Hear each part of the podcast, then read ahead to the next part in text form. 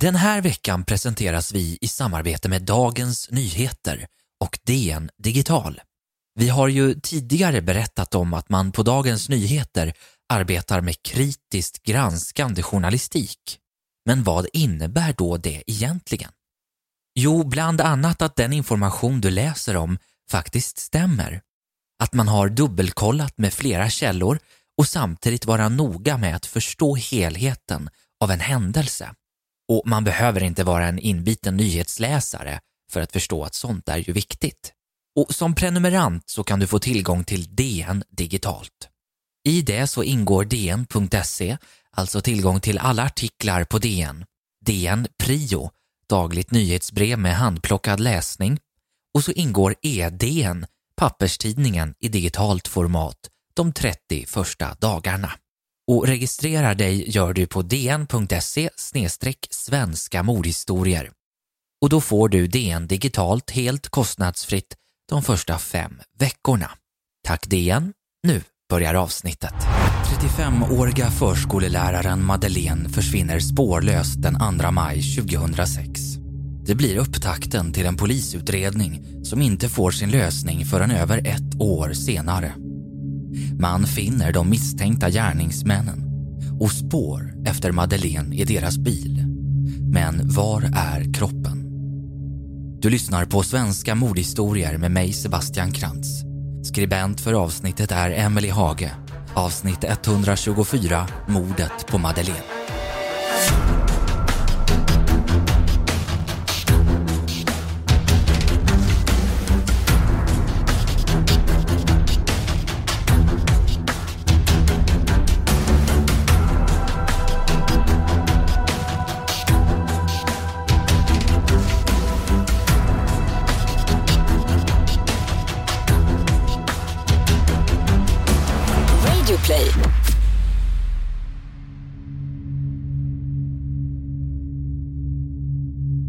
Huvudpersonen i dagens avsnitt heter Madeleine Sandegård. Hon var 162 centimeter lång, smal med mörkt halvlångt hår. I högra näsvingen hade hon en pärla. 35-åringen bodde i Sandviken tillsammans med sin son. Han hade fyllt 14 och året var 2006. De hade det bra ihop. Madeleine hade sedan tio år tillbaka arbetat som förskolelärare och älskade barn. Hon var en person som var mån om sin familj och såg till att alla hade det bra och träffades regelbundet. Men Madeleine kommer snart att förändras. Hon börjar umgås i fel kretsar. Och med det så menar jag personer som har anknytningar till droger. Hon hoppar på tåget och börjar själv missbruka narkotika. Något som kommer att vara ett steg på vägen till hennes död. Vi kommer fokusera på själva brottet i det här avsnittet. Hur allting gick till och hur det kom sig att Madeleine var försvunnen i nästan ett år innan hon till slut hittas. Så vi hoppar direkt in i händelseförloppet för att sedan gå igenom detaljerna.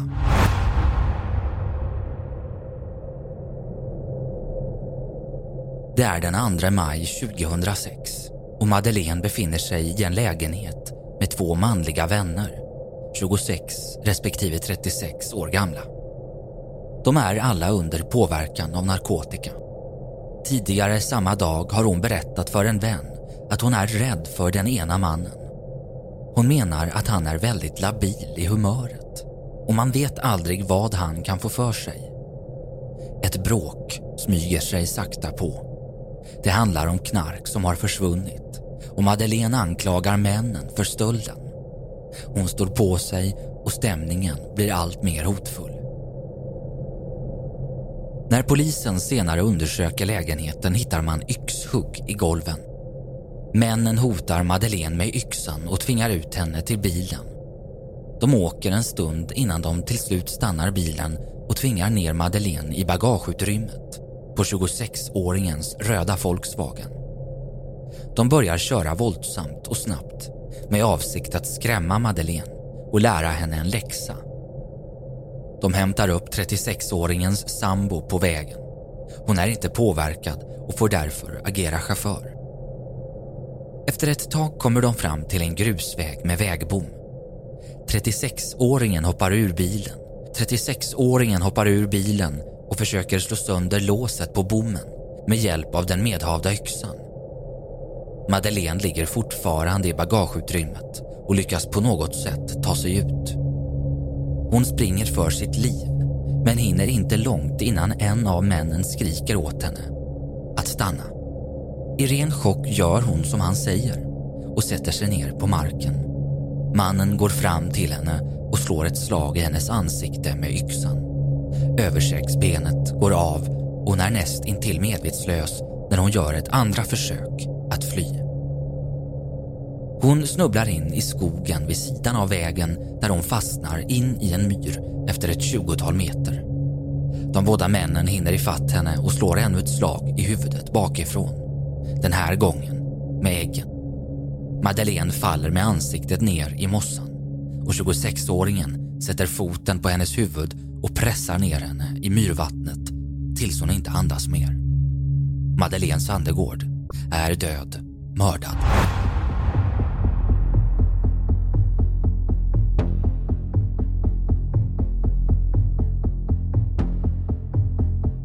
De lägger tillbaka den döda kroppen i bagageutrymmet och åker hem.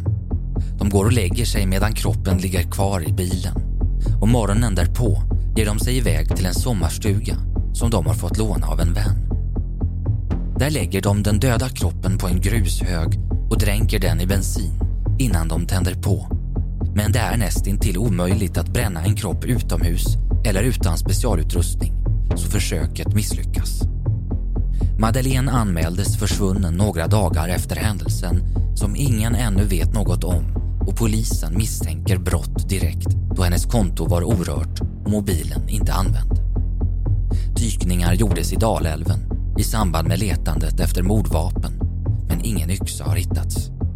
Vart kroppen sedan tar vägen kommer vi till senare för det är nämligen just det som gör att fallet kommer ta så pass lång tid att utreda. Vi spolar nu fram tiden till den 23 juni 2006. Alltså två månader efter det att Madeleine försvunnit.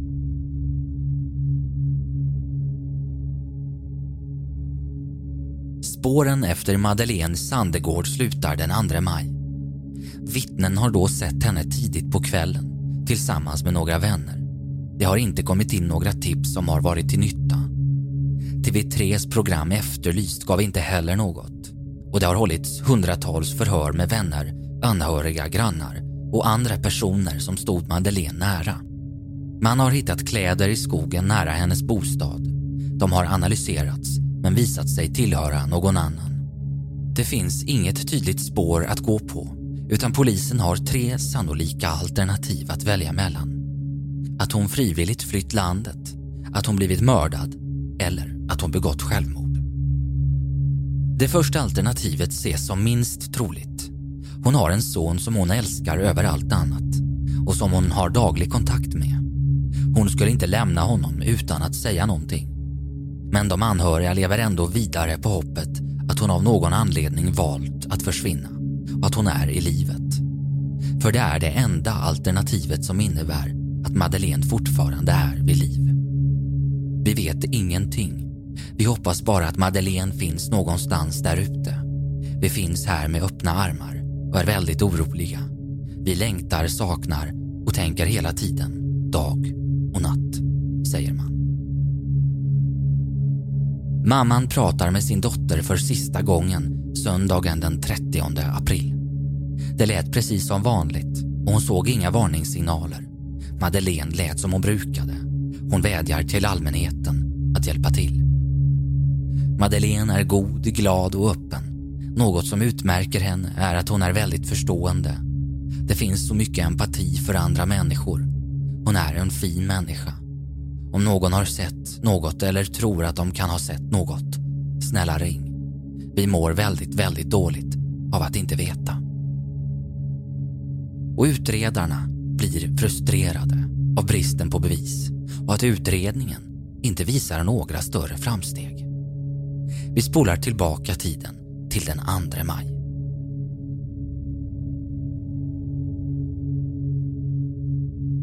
Madeleine har pressats ner i myren. och de tre vännerna har försökt bränna hennes kropp.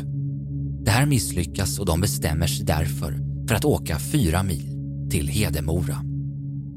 I ett skogsområde vid Olshyttan gräver de tillsammans en grav med spadar och en potatishacka. När de ska åka därifrån startar inte bilen som de har fraktat kroppen med. De bärgar den med följebilen som de hade med sig.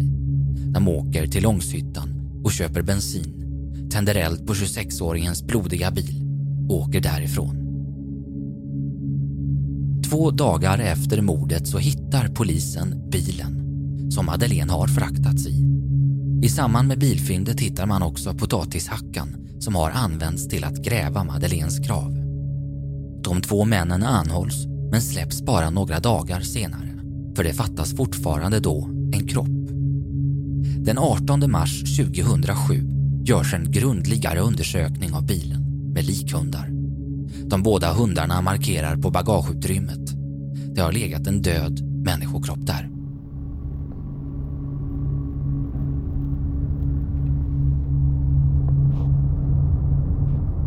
Det avgörande fyndet görs den 17 maj 2007 då det har gått över ett år sedan den 35-åriga förskoleläraren Madeleine Sandegård försvann. Två polismän åker omkring i Hedemora och hamnar i ett område som tidigare varit aktuellt i utredningen. De stannar av en slump vid ett skogsbryn och 20 meter in i skogen så ligger kvarlevorna av Madeleines kropp. Delvis synliga och delvis nedgrävd i en grop.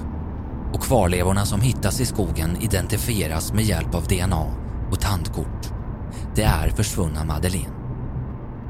Vi ska nu kortfattat gå igenom vad som hänt innan vi går vidare med de rättsliga processerna.